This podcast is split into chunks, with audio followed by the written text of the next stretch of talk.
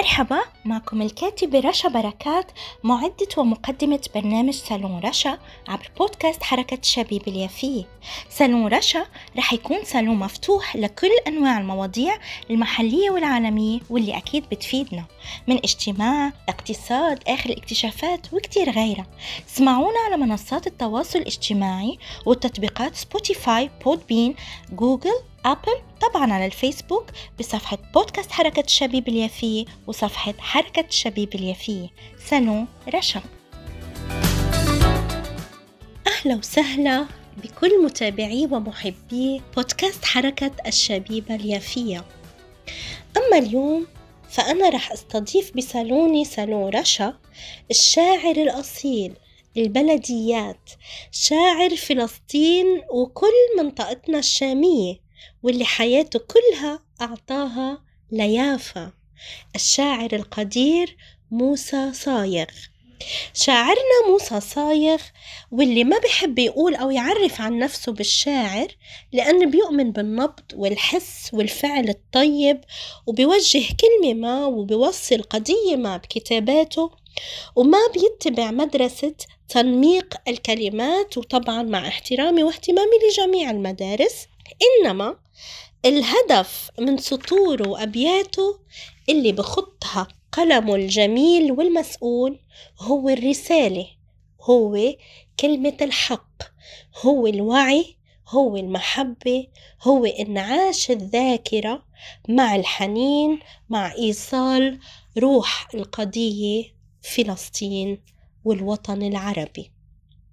ومن اسم ديوانه الشعري الجميل والشيق. منقدر نستنبط عن فحوى ومحتوى الكتاب. ديوانه بعنوان لترابك بلدي. يعني ومن الآخر النبض الوطني والنخوة الوطنية مع كل أبعادها تتمثل بأبياته الشعرية. أنا عن نفسي لما قرأت الديوان الشعري لشاعرنا موسى صايغ وصلني عشقه للبلاد ورجعني لذاكرة أهلي ودغدغ جواتي مشاعر الوطنية اللي خلقت عم أتنفسها. وطبعا أغلب مجتمعنا الفلسطيني بيخلق عم يتنفس الروح الوطنية. مع عشق البلاد ومقدمتي البسيطة اللي إن شاء الله أكون فيها وفت ولو جزء بسيط من حق شاعرنا الكريم موسى صايغ واللي من فترة كان له كمان أمسية شعرية جميلة يعني من ما قبل السنة بمسرح السرايا العربي يافا. بدي هلأ رحب بشاعرنا وأترككم تتعرفوا عليه مباشرة عبر صالوني صالون رشا ولنسمع منه شخصيا عن بعض حياته ورحلته مع الشعر والنص والكتابة وحب الوطن. وأكيد نسمع منه هالشعر النابض اللي بحاكي فينا كل إشي. أهلا وسهلا بحضرتك شاعرنا الحبيب والكريم أستاذنا ومبدعنا وأبونا وعمنا الشاعر موسى صايغ ويا ريتك تحكي لنا عن أول بداياتك مع الكتابة الشعرية وكيف بلش معك الشعر وعن اهتمامك باللغة العربية. وكذلك هل عندك من أعمال جديدة وإصدارات جديدة قريبا؟ ويا ريت كمان تسمعنا عن شعر أو نص بتحب توصله للجميع وبت... وبيكون قريب كتير من وجدانك. أهلا وسهلا فيك بصالوني صالون رشا وصالوني بيغنى بوجودك سيدنا وحبيبنا أستاذنا شاعرنا وعمنا موسى صاير. أول شيء يسعد أوقاتك أختنا رشا واللي بدي أقوله إنك أنت أعطيتيني زيادة عن اللزوم بمديحك اللي أنا يعني كتير كتير علي هذا الإشي. وهذا كلامك بيدخل للقلب. وكمان مرة بدي أشكرك على على مديحك. أنا الصراحة قصة الشعر وبداية الشعر كلها كانت يعني البداية كانت أيام الصبا وأيام المراهقة. فكان يكون مرات إعجاب تعرف إعجاب؟ إما إعجاب متبادل أو غير متبادل بين شاب وصبية وهيك شيء فبدأ الإشي أول شيء نقول برسائل هيك بطرق غير مباشرة.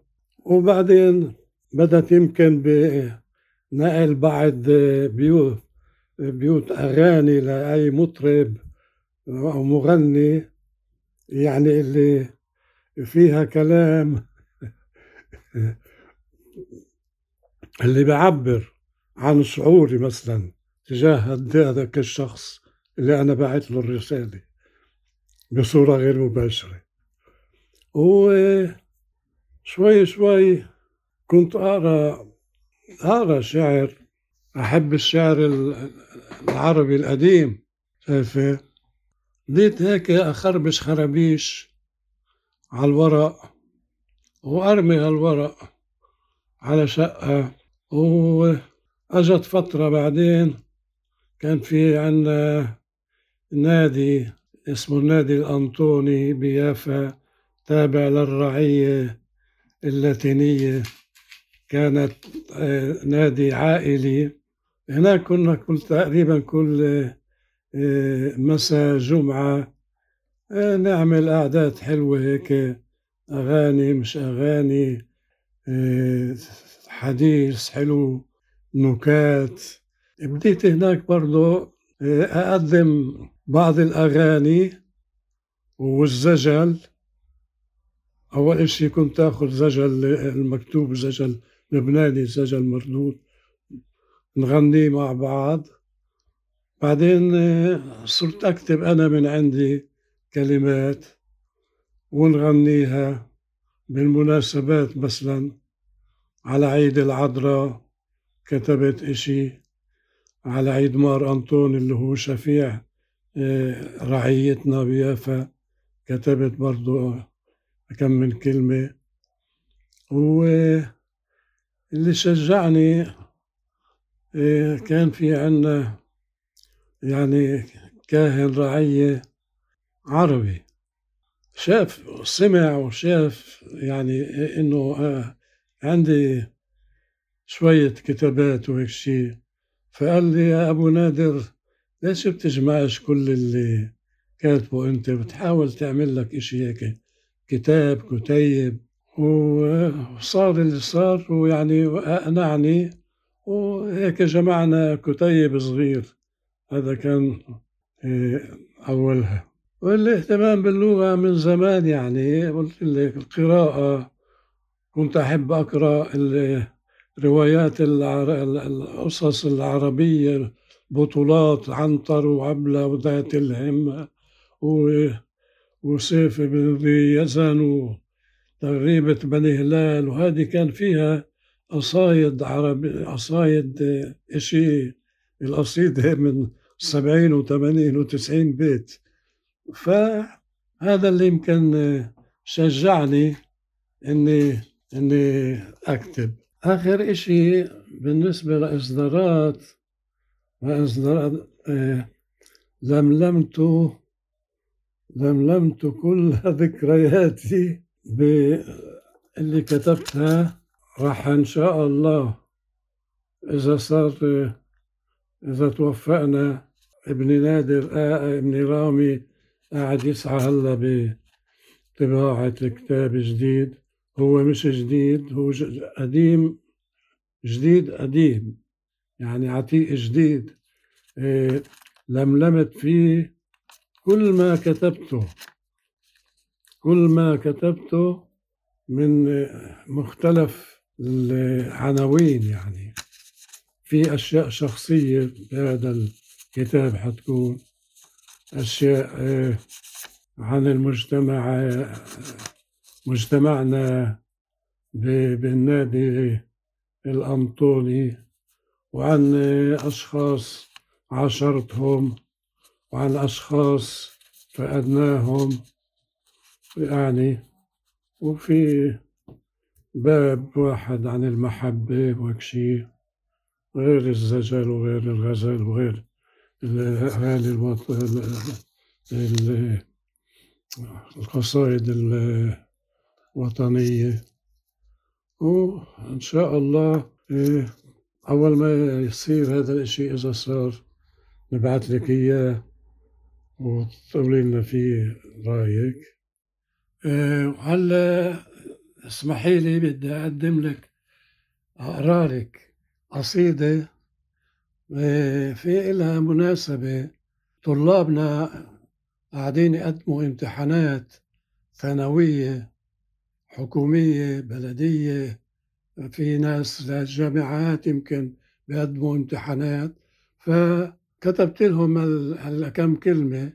كتبتها باسم يعني صبية أو هذا بس هي موجهة لكل طلابنا اللي بنتمنى لهم النجاح والتقدم.